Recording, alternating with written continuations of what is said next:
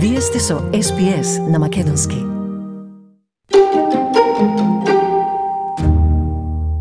Сите со насмевки на лицата во историскиот нов кабинет.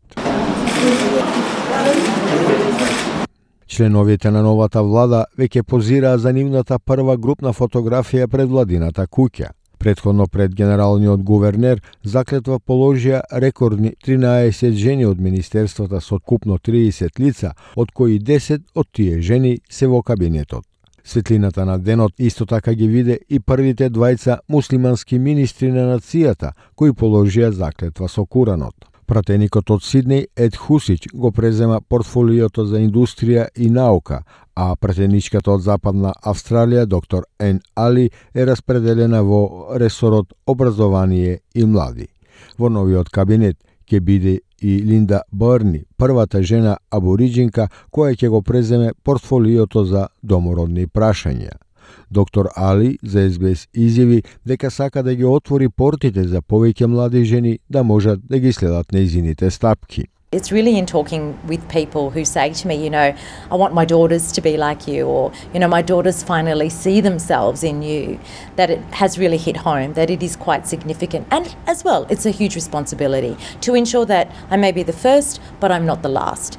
Ед Хусич, кој беше првиот муслимански пратеник избран во парламентот во 2010 година, за СБС изјави дека е символичен момент да се обедини земјата, велејќи дека ова е влада што го отсликува лицето на Австралија. This is a government that reflects the face of Australia. Uh, you know, there'll be people in different communities all over the country that could relate straight away. And I think that's important и тој вели дека сака различноста во парламентот да стане, цитирам, незабележителна. I think this today it should be seen as the starting standard. Uh, I think that now there will probably be a greater focus on the composition of cabinets and ministries, and uh, I think that's a good thing. И покрај рекордниот број на жени, имаше одредени критики дека во лидерските улоги во партијата се уште доминираат мажи. Само две од седумте лидерски позиции во партијата, представничкиот дом и сенатот се доверени на жени. Но Ен Али вели дека застапеноста на полот и различноста во оваа министерство е силно мерило за напредок. It's never going to be enough until we get to 50-50. But, you know, Labor is well on its way to doing that. And we have a demonstrated, that's the important point here, we have a demonstrated commitment to it. Исто така постојат тврдење дека долгогодишната пратеничка од Сиднеј, Тања Плиберсек, била деградирана во новата влада.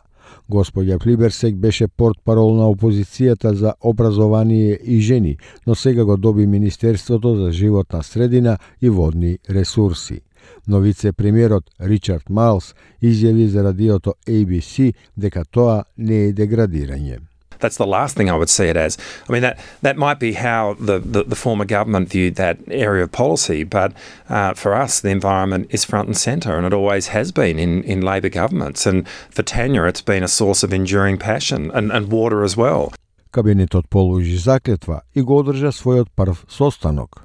Прајминистерот Ентони Албанези е категоричен дека неговата влада ќе биде активна на теренот и дека ќе се обидат да направат се како што треба, да бидат тука на долг рок и на вистина да ја променат земјата на подобро. It's a privilege to be here. If we get it right, we can be here uh, in the long term and really change the country for the better. Better future wasn't a slogan, it was a plan.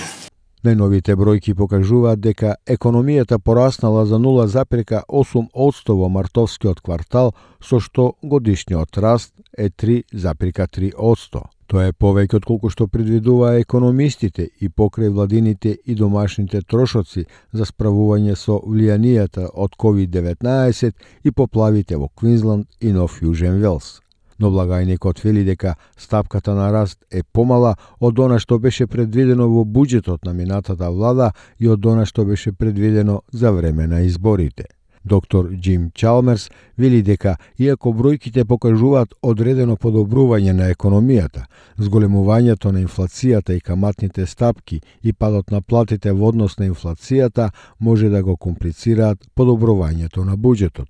These national accounts are a glimpse of the mess that the former government left behind. You can see in these figures, even where the number on the surface looks relatively robust, uh, is much lower in many instances than what the government was relying on in their forecasts in the budget. Доктор Чалмерс исто така откри дека, цитирам, ревизијата на отпадот, затворен цитат на владата, веќе е започната. Ревизијата ќе ги следи трошоците во јавниот сервис и ќе има за цел да го намали користењето на надворешни изведувачи. Uh, the work has begun uh, with Treasury and Finance and with Katie Gallagher, uh, and we hope that the fruits of that effort uh, will be in the October budget. The rorts and waste audit will be an opportunity for us to direct money from unproductive political purposes into more productive uh, economic purposes. Прајминистерот исто така најави промени во одговорноста на различните одделенија за јавни услуги, со што се надева дека ќе зголеми ефикасноста, но според ветувањето нема да има кратење на работните места во секторот.